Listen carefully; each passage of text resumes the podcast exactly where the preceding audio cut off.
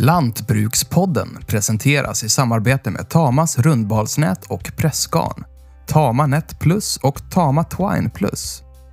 De är lösningar för lantbrukare och maskinstationer med höga krav och säkerställer tillförlitlig balning. Mindre stillstid, perfekta balar. Besök tamaskandinavia.se för att läsa mer eller kontakta din lokala återförsäljare. Ja, det känns... eh, det är absolut inte det jag ser i mina stallar och jag tror ingen bonde skulle vilja jobba med djur som inte mår bra. Det finns ju ingen som tjänar på det.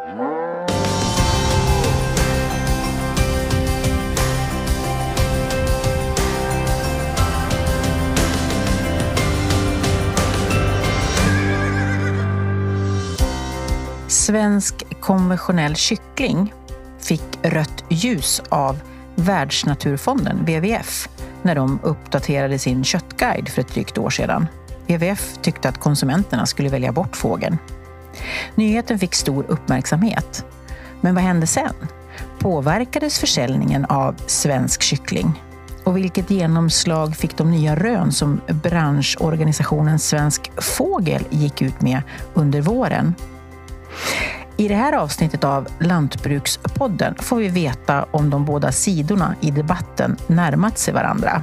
I studion Anna Rickert, senior matexpert på WWF Sverige och Jenny Andersson, kycklinguppfödare och ordförande i Svensk Fågel. Land lantbruksreporter Göran Berglund leder samtalet.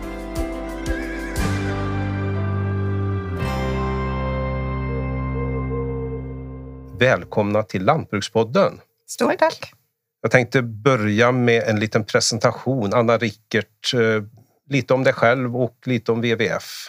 Jag, jag är då matexpert på Världsnaturfonden och det, det är ett rätt stort område att vara expert över kan man säga.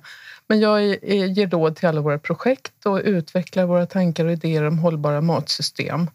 Och WWF är en av världens största miljöorganisationer så att vi jobbar för planetens väl och ve och eh, för att människor ska leva, kunna leva i harmoni med naturen. Och WWF då, det är en stiftelse som eh, finansieras till ganska stor del av eh, frivilliga bidrag, om jag har Mm. förstått det hela Mm. rätt. Ja, absolut. Mer än hälften av vår verksamhet finansieras av gåvor. Och det är en viktig del av vårt, vår verksamhet. Mm. Och som namnet antyder så är det ju en världsomspännande organisation då, som vi pratar om. Mm. Eh, Jenny Andersson, du kommer från eh, ett ställe som heter Fliseryd i Ja. Småland. Eh, Berätta lite om dig själv och vad du sysslar med.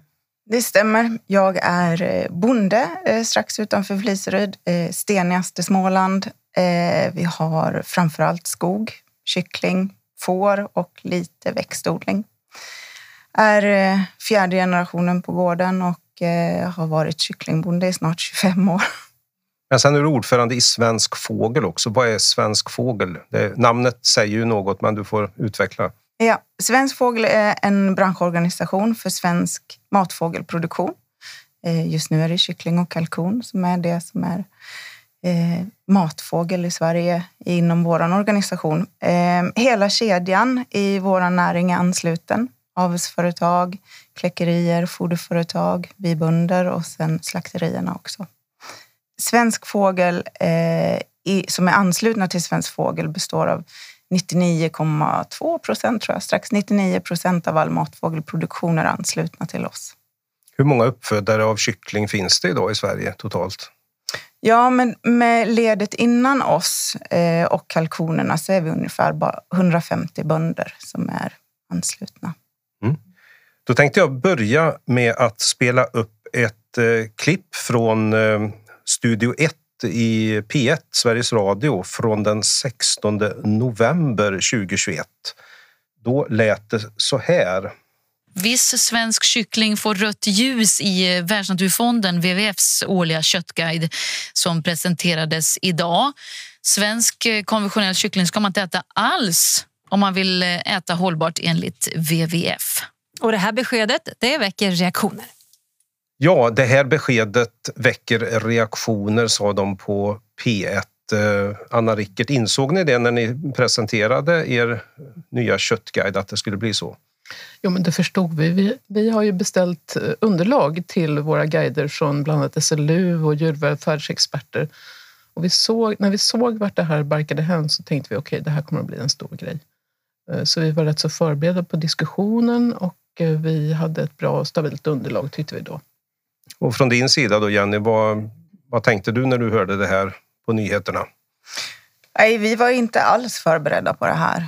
Alltså vi, vi har alltid jobbat och så jobbar ju en bonde och en hel förening som vi med att hela tiden förbättra oss och bli bättre klimatmässigt, djuromsorgsmässigt och så vidare. Och resan vi har gjort de senaste tio åren och den resan vi kommer göra framöver, den, den stämde inte alls med, eh, från vår synvinkel med det, det som nu kom fram. Vilken var bakgrunden då till, till, att ni hade ändrat inställning? Jag vet inte vilken färg på kortet eh, Svensk Kyckling hade innan, men nu fick den ju rött då. Jo, Köttguiden är ju en sammanvägning av fem olika aspekter som vi bedömer. Det är klimat, biologisk mångfald, bekämpningsmedel, djurvälfärd och antibiotika. Och i de tidigare guiderna som vi har släppt så har svensk, svensk kyckling legat på gult ljus i en sammanvägd bedömning av alla de fem aspekterna.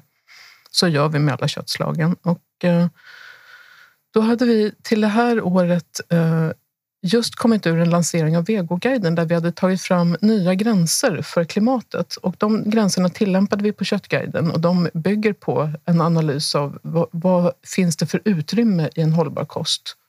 Så att vi hade skärpt klimatkriteriet till 2021 års lansering. Och vi hade också skärpt djurvälfärdskriteriet för att Eh, bättre fånga in eh, att djuren inte drabbas av smärta och lider i onödan. Så det var ju bakgrunden. Och när jag säger att vi hade ett stabilt underlag här så är det ju också en sanning med modifikation. Vi ska komma in på det alldeles strax, för det handlar ju också om hur, hur gamla siffrorna var och liksom vad vi hade tillgång till information och sådär. Men eh, vi, eh, själva bakgrunden till en ändrad bedömning var att vi skärpte våra kriterier inom två områden.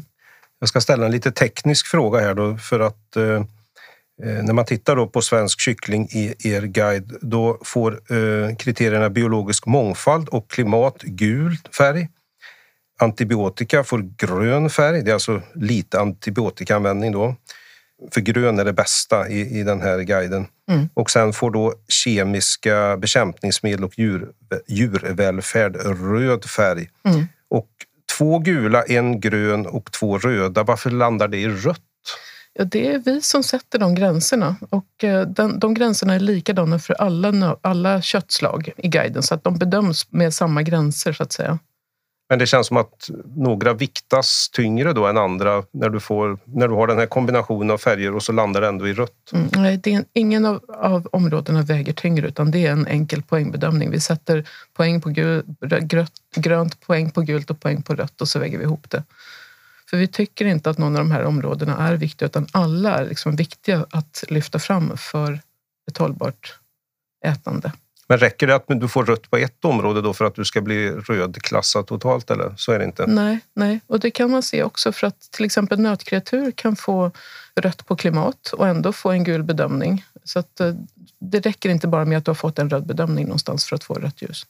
Vilka reaktioner fick eh, ni från så att säga, branschen när, när det här hade presenterats, Jenny Andersson? Ja, enormt stora reaktioner från framförallt våra medlemmar men även andra Eh, såklart, eh, som har följt oss i resan vi gör och har gjort eh, att det här var en, en märklig bedömning. Eh, vi håller med WWF i att eh, hållbarhet är inte bara en sak, det är väldigt många saker och i ganska många situationer väldigt komplext också. Att, eh, att ge råd som WWF gör till till konsumenterna först och främst. Att göra ett förenkla för dem att göra ett bra val är, är ju en väldigt, väldigt god tanke och väldigt bra. Eh, däremot så blir det ju oerhört fel när det blir fel. Eh, och då blir det ännu svårare för konsumenterna, för vi hävdar ju att det här är fel bedömt. Och här hade vi ju önskat att det hade funnits, när, när du säger Anna, att ni visste att det här var på gång och att det var på väg och att ni såg vad som skulle hända. Att att man hade tagit en kontakt med branschen om vad som hur ser det ut hos er? Är det någonting nytt på gång? Vad har ni för ny data? Eh, vad, har ni, vad har ni för erfarenheter? Kan det här stämma överens med er? För till syvende och sist så handlar det om att göra det enklare för den svenska konsumenten och inte svårare. Jag ska faktiskt citera lite ur ett öppet brev som du skrev till Gustav Lind som är generalsekreterare på WWF i Sverige. Och Eh, du skriver att ni nu valt att rödlista oss bönder utan att ens kontaktat mig eller vår branschorganisation är hemskt olyckligt och faktiskt felaktigt. Vi skulle därför omgående vilja ha ett möte med dig och dina kollegor. Eh, och eh, sen skriver du längre ner att därför bjuder jag här in dig att komma ut till min gård i Småland och över en fika berätta för dig om min vardag och hur svensk uppfödning går till. Och sen var du då, Anna, intervjuad i eh, något som heter Livsmedel i fokus 10 mars 2022 och fick frågan kommer ni anta inbjudan från Svensk Fågel om att besöka deras gårdar? Mm. Och då svarade du ja, vi vill gärna ut och besöka producenter och föra dialog. Mm. Eh, hur gick det med det här gårdsbesöket? Mm. Blev det av?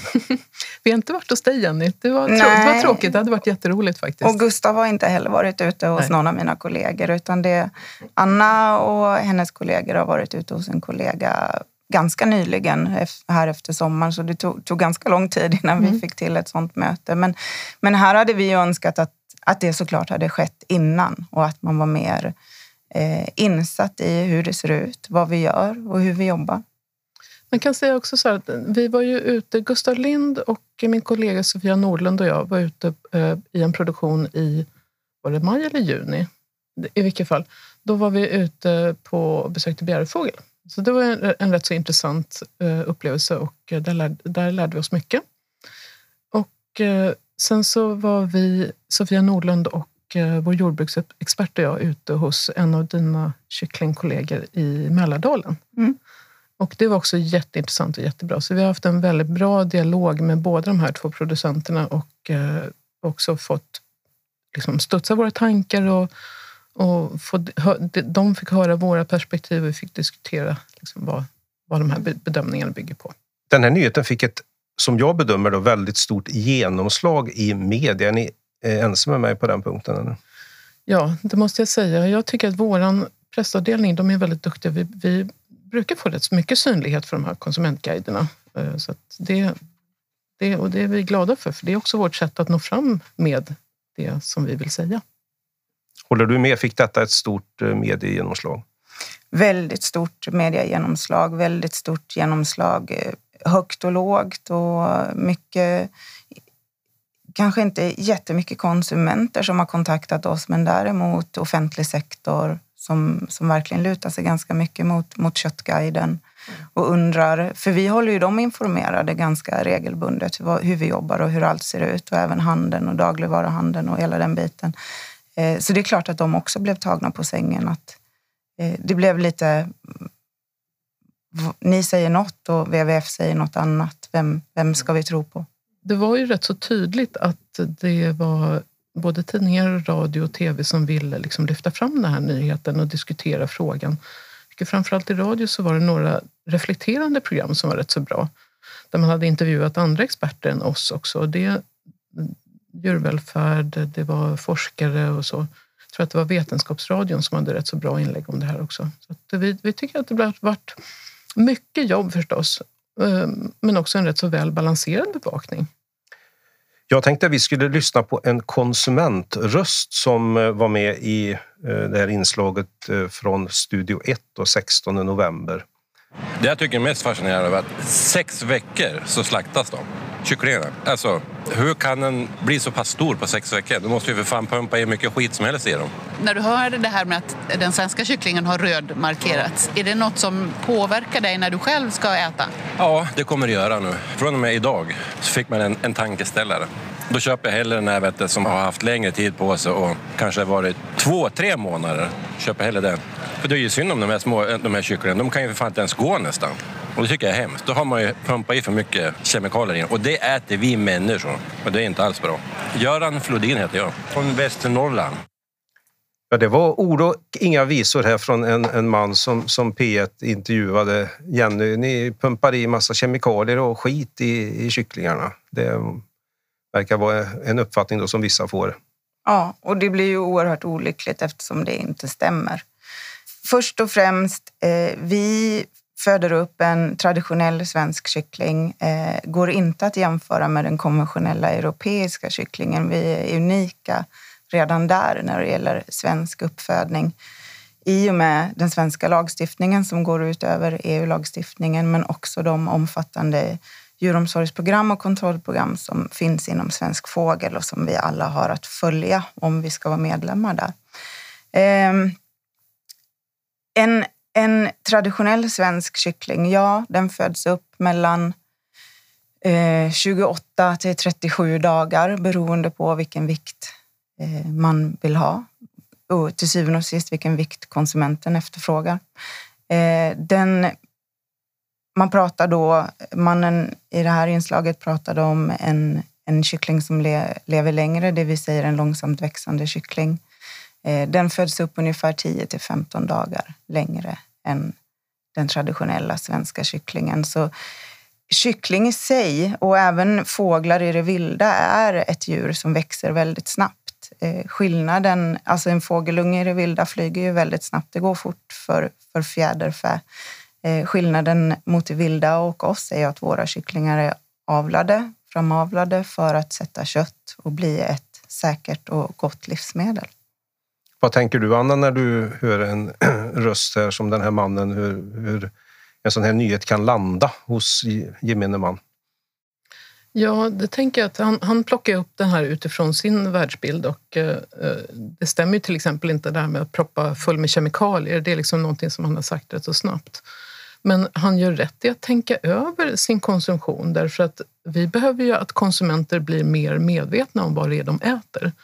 Och vi behöver se ett vegoskifte till exempel, att folk äter mindre kött, mindre men bättre kött och där då Köttguiden och våra konsumentverktyg hjälper till med ett sådant skifte. Och, och jag tror att han är nog inte ensam för att han, han ser det här, de här uppgifterna i medierna och tänker att okej, okay, nu måste jag agera på det här och det är positivt tycker jag. Även om man kanske var lite fel ute då på sakfrågor.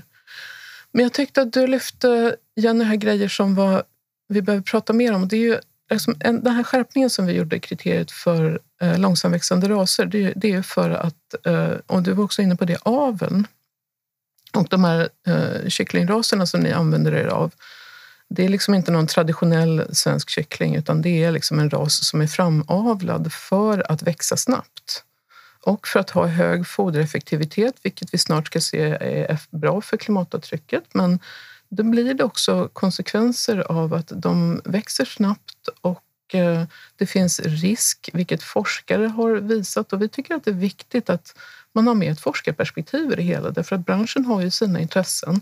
Vi har våra intressen och eh, det handlar om planeten. Och eh, jag tänker att vi behöver se till att det finns oberoende forskning och att, att informationen som man går ut med vilar på oberoende forskning. Och då när vi gjorde den här analysen, då fanns det rätt så mycket som pekade i den riktningen på att, att det finns ökad risk för bensmärta med snabbväxande raser och att mer långsamväxande raser ger en bättre djurvälfärd. Märktes det något beträffande försäljningen av kyckling i perioden efter att eh, den här nya köttguiden hade kommit?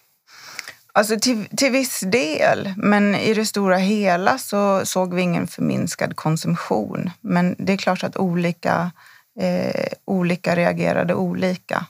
Absolut. Däremot, det, det kan jag ju passa på att säga, det, det vi ser i dagsläget som är en helt annan fråga är ju att, att i dagsläget på grund av de framtvingade högre priserna på, på svensk mat så ser vi nu en extremt ökad import av lågpriskyckling eh, som inte går att jämföra med den svenska kycklingen. Så att vi ser en betydligt större reaktion med den situationen vi har nu i Sverige och i världen. Vi kan ju sätta lite siffror på detta för att alla ska eh, förstå att eh, den svenska marknadsandelen är cirka 75 procent när det gäller kyckling, åtminstone enligt eh, Jordbruksverkets senaste statistik och det har legat hyggligt stabilt eh, eh de senaste åren.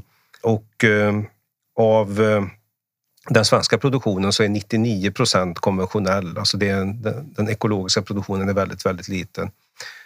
Eh, men om man då tar in att, att vi har en, en, så att säga, en cirka 25 procent import också. Så den kycklingarna, Rickard, som ni anser så att säga, var okej, okay, då pratar vi alltså om några promille av den totala kycklingmängden som, som svenskarna konsumerar.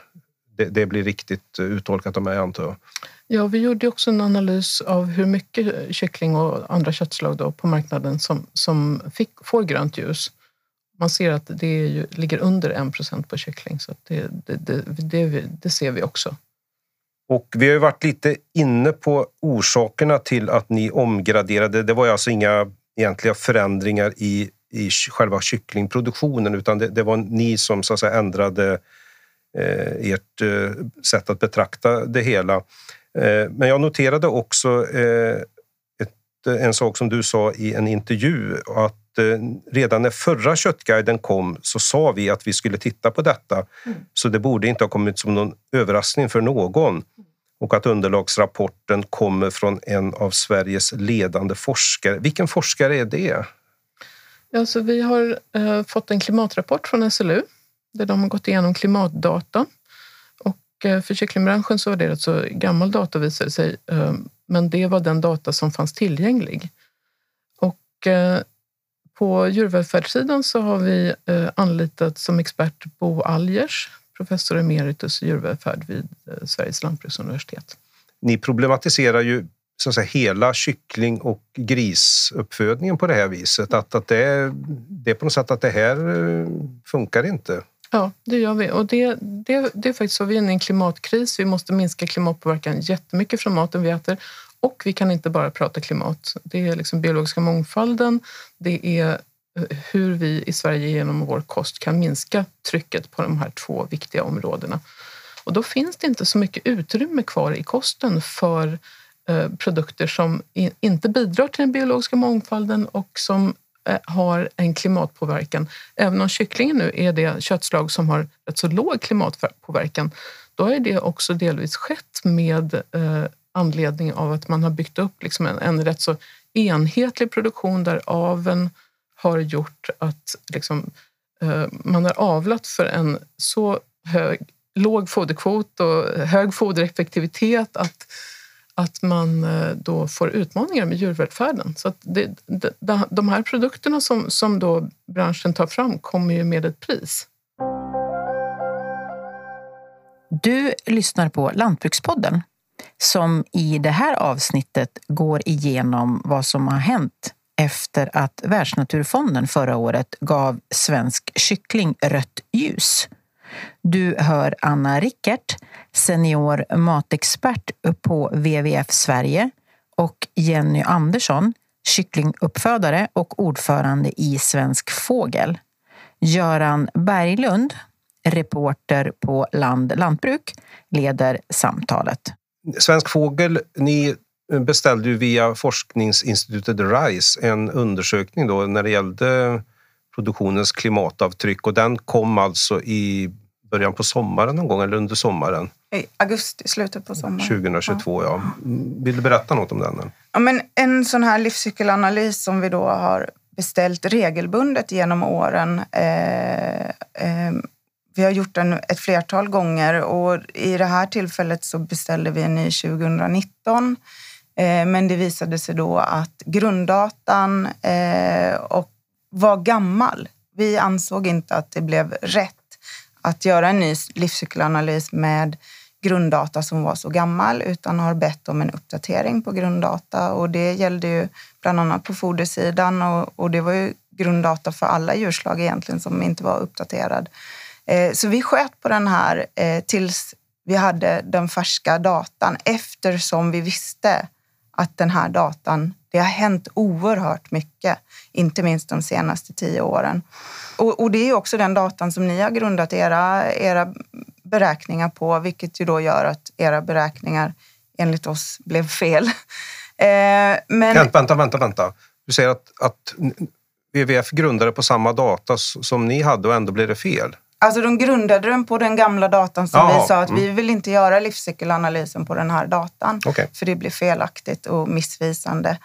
Eh, jag, jag, vet att man i de här sammanhangen pratar mycket om benproblem och benhälsa eh, på, på det man kallar den snabbväxande kycklingen. Eh, problem med benhälsa beror av, av tre saker. Det är ett, ett samlingsbenämning, benhälsa. Eh, det, det, är såklart avelsbiten med, med ben, bentillväxten, skelettet. Och där, där har aveln en, ett väldigt stort eh, jobb och de har också gjort ett väldigt stort jobb för att det ska vara en robust och frisk kyckling. Eh, sen har vi metabolismen, alltså näringstillförseln. Det är våran och foderföretagens uppgift att säkerställa att de får det, det, den fodersammansättning som en kyckling behöver för att må bra. Eh, och sen har vi den infektiösa biten eh, med bakteriella infektioner. Eh, och den förebygger vi med vårt smittskydd, eh, med vårt management, att det ska vara rätt, rätt temperatur för kycklingen, rätt fuktighet, koldioxidhalter, ammoniakhalter. Vi, vi jobbar med hela den breda frågan. Och, och, och, för att få en frisk och robust kyckling så måste ju alla de här tre sakerna fungera. Får man däremot en sjuk kyckling, då tar man kontakt med sin veterinär och sen så får man utifrån det eh, säkerställa att kycklingen eh, återhämtar att de blir friska och att man gör rätt insatser. Men, men ett sjukt djur är ju inte det vi ska diskutera här, utan ett sjukt djur behandlas eh, med, med det, det som den behöver för att bli frisk igen. Men det, benhälsa är en komplex, en komplex benämning och vi, jag är säker på att jag inte har några problem i mina kycklingstallar när mina kycklingar är friska. Eh, och vi har nu som bransch bett RISE att utföra en kartläggning av benhälsan på den svenska kycklingen.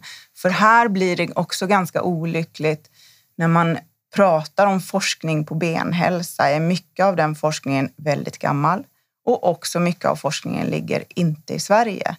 Eh, och vi jobbar med våra svenska förutsättningar. Vi, vi, vet ju att vi i Sverige är väldigt, väldigt duktiga på djur och, och det ultimata eh, kvittot på det är ju att vi har en extremt låg antibiotikaförbrukning. Det skulle vi ju inte ha om vi hade, inte hade friska djur. Vi, jag ska bara ta Anna här innan du kommer in här att eh, Land Lantbruk då skrev i nummer 9 2022 som utkom 25 februari om avel och djurhälsa just när det gällde slaktkyckling och det konstaterades att det är cirka 20 år sedan förekomsten av benproblem undersöktes i svenska kycklingflockar. Det är ju evigheter sedan i de här sammanhangen. Varför har det varit så? Ja, undersökts så tillvida att man har använt sig av det här eh, eh Animal Welfare Protection-protokollet eh, som är godkänt inom Europa. Den är gammal. Eh, däremot så har ju vi i branschen gjort egna studier och, och, och, sett att det blir bättre och bättre, att vi har låg förekomst av benhälsor. Men, men vi är ju inte oberoende då, utan vi är ju de som jobbar med våra kycklingar. Men jag, må, alltså det, jag känner inte alls igen bilden från när jag går i mina stallar. Eh, så att för mig så, ja, det känns eh, det är absolut inte det jag ser i mina stallar och jag tror ingen bonde skulle vilja jobba med djur som inte mår bra. Det finns ju ingen som tjänar på det. Och, och, och det här är mitt yrke, det är min yrkesstolthet att kunna säga att jag är mån om mina djur och mina djur mår bra och jag gör allt vad jag kan. Lyckas jag inte så måste jag ta hjälp och, i form av veterinär eller eller hela utbildning såklart och det är något vi gör regelbundet, inte minst inom Svensk Fågel så utbildar vi våra medlemmar. Men, och vi är också med och initierar forskning där den behövs och vi tar till oss forskning. Ja, det var ju ny information faktiskt att ni har lagt ett uppdrag hos RISE och dokumentera den djur, djurhälsoläget. Och det tycker vi är jättebra. Det här behövs för att vi vill gärna se ny och eh, uppdaterad kunskap analyserad och presenterad av forskare på det här området. Jag tycker bara att det är så intressant att du säger den traditionella svenska kycklingen här därför att det här är ju samma ras som används på väldigt många ställen i Europa och eh, som du pratar om eh, branschsamverkan. Alltså den här produktionen ser inte jätteolika ut eh, om man jämför med de nordeuropeiska länderna i alla fall. Och eh, vi tycker att det finns en stor utmaning i det här att man har en, en avel som så tydligt har fokuserat på eh, ökad, ökad produktion och eh, då, där man ser att det finns risk för bensmärta. Och det som vi har lärt oss vid besök i de anläggningarna det är också att det man gör som producent, man har ju ett djuröga, man använder det, det är bra. Och det innebär att man går igenom anläggningen och plockar de kycklingarna som inte är, klarar som inte växer tillräckligt bra och som kan ha något symptom. Sådär. Och det gör man på daglig basis. Och det här är ju... Plockar lika med avliva då? Ja.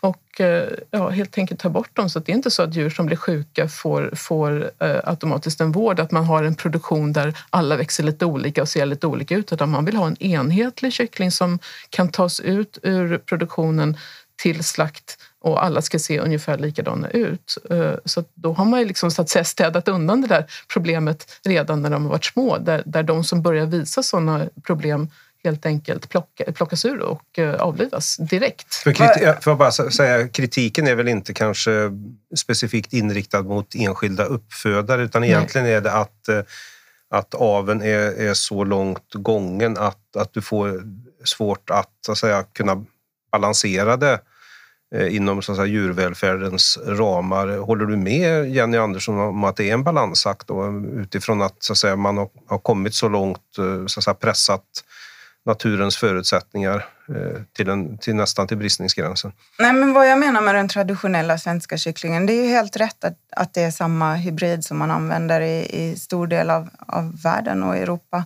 Eh, det, vi, det som skiljer Sverige är ju att vi så länge har jobbat förebyggande för att minska antibiotikaförbrukning. Antibiotikaförbrukning är ju ett, ett, ett slags man kan dölja väldigt mycket genom att behandla sina djur med antibiotika och det är inte den svenska modellen. Den svenska modellen är att förebygga och säkerställa att kycklingen får de optimala förhållandena.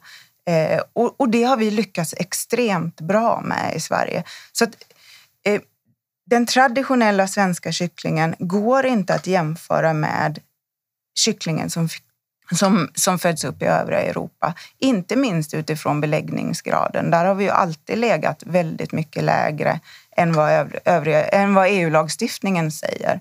Så att vi... Eh, när vi jämför oss med, med den europeiska kycklingen där man har konventionell kyckling, säger man där, och så har man olika koncept. Då är hela Sverige som är anslutna till Svensk Fågel, vi är ett koncept.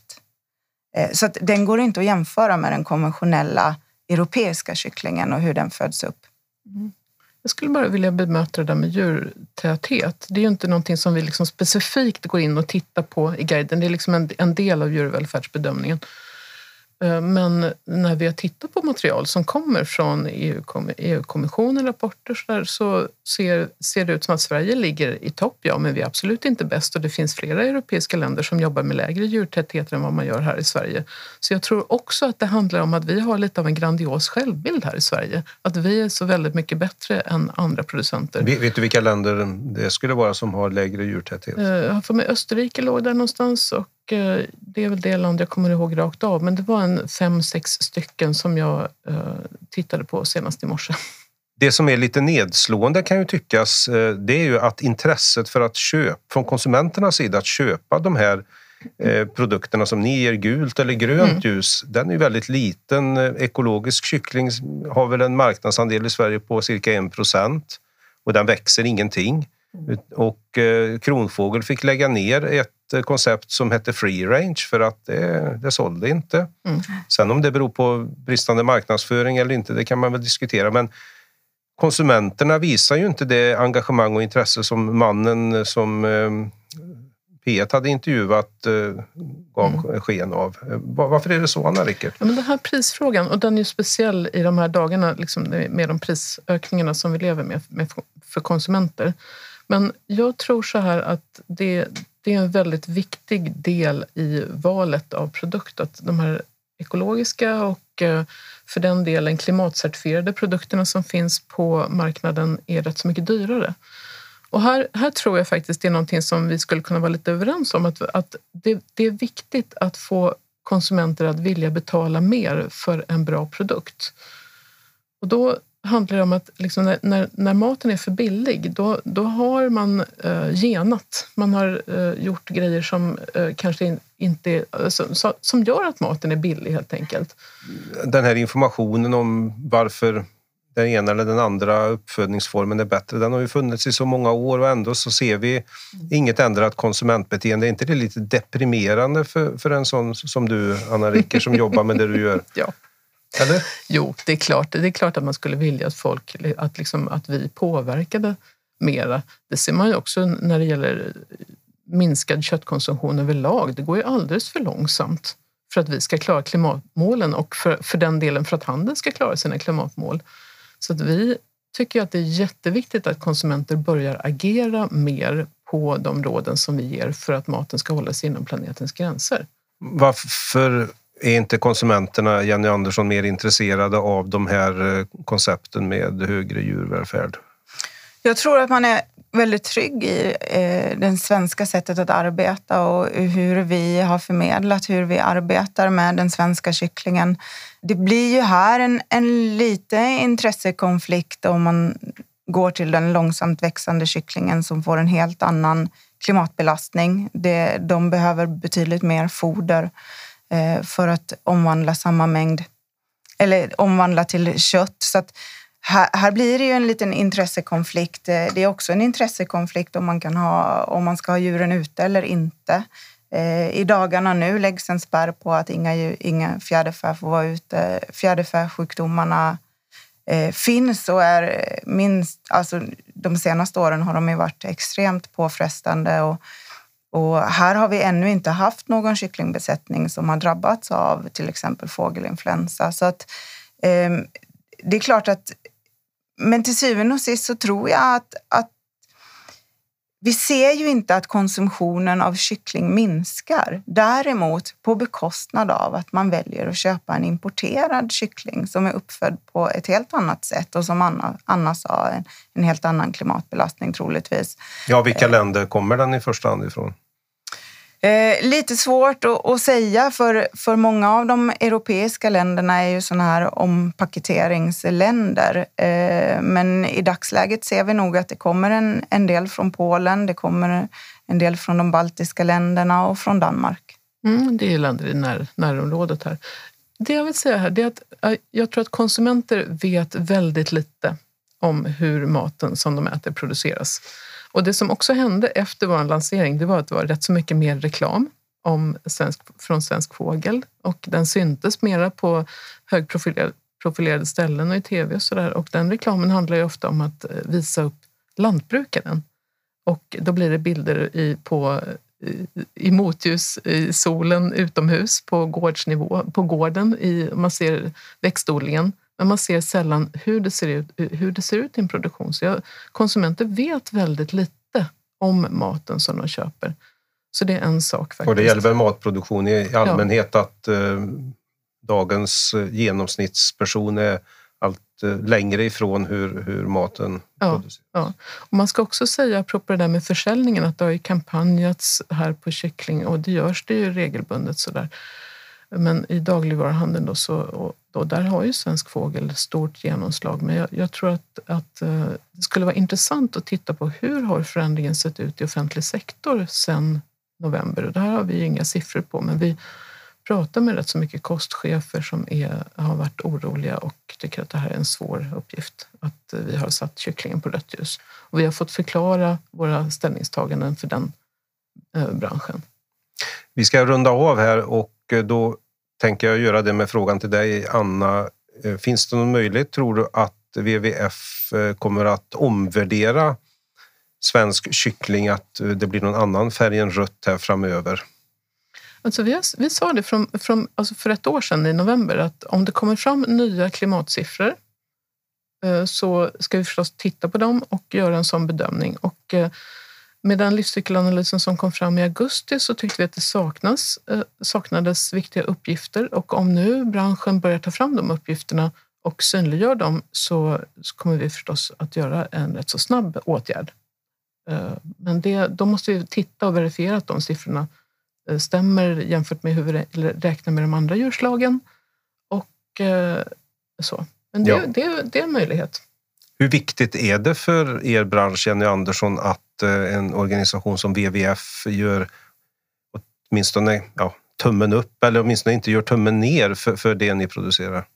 Nej, men vi vill ju självklart att WWF ska utgå ifrån aktuell forskning och nya studier och hålla sig uppdaterad med hur verkligheten ser ut och vad som visas. Så att, eh, det, det är självklart viktigt att de tar till sig nya uppgifter och kan göra en rätt bedömning för att ge konsumenten bästa möjliga möjlighet att välja rätt.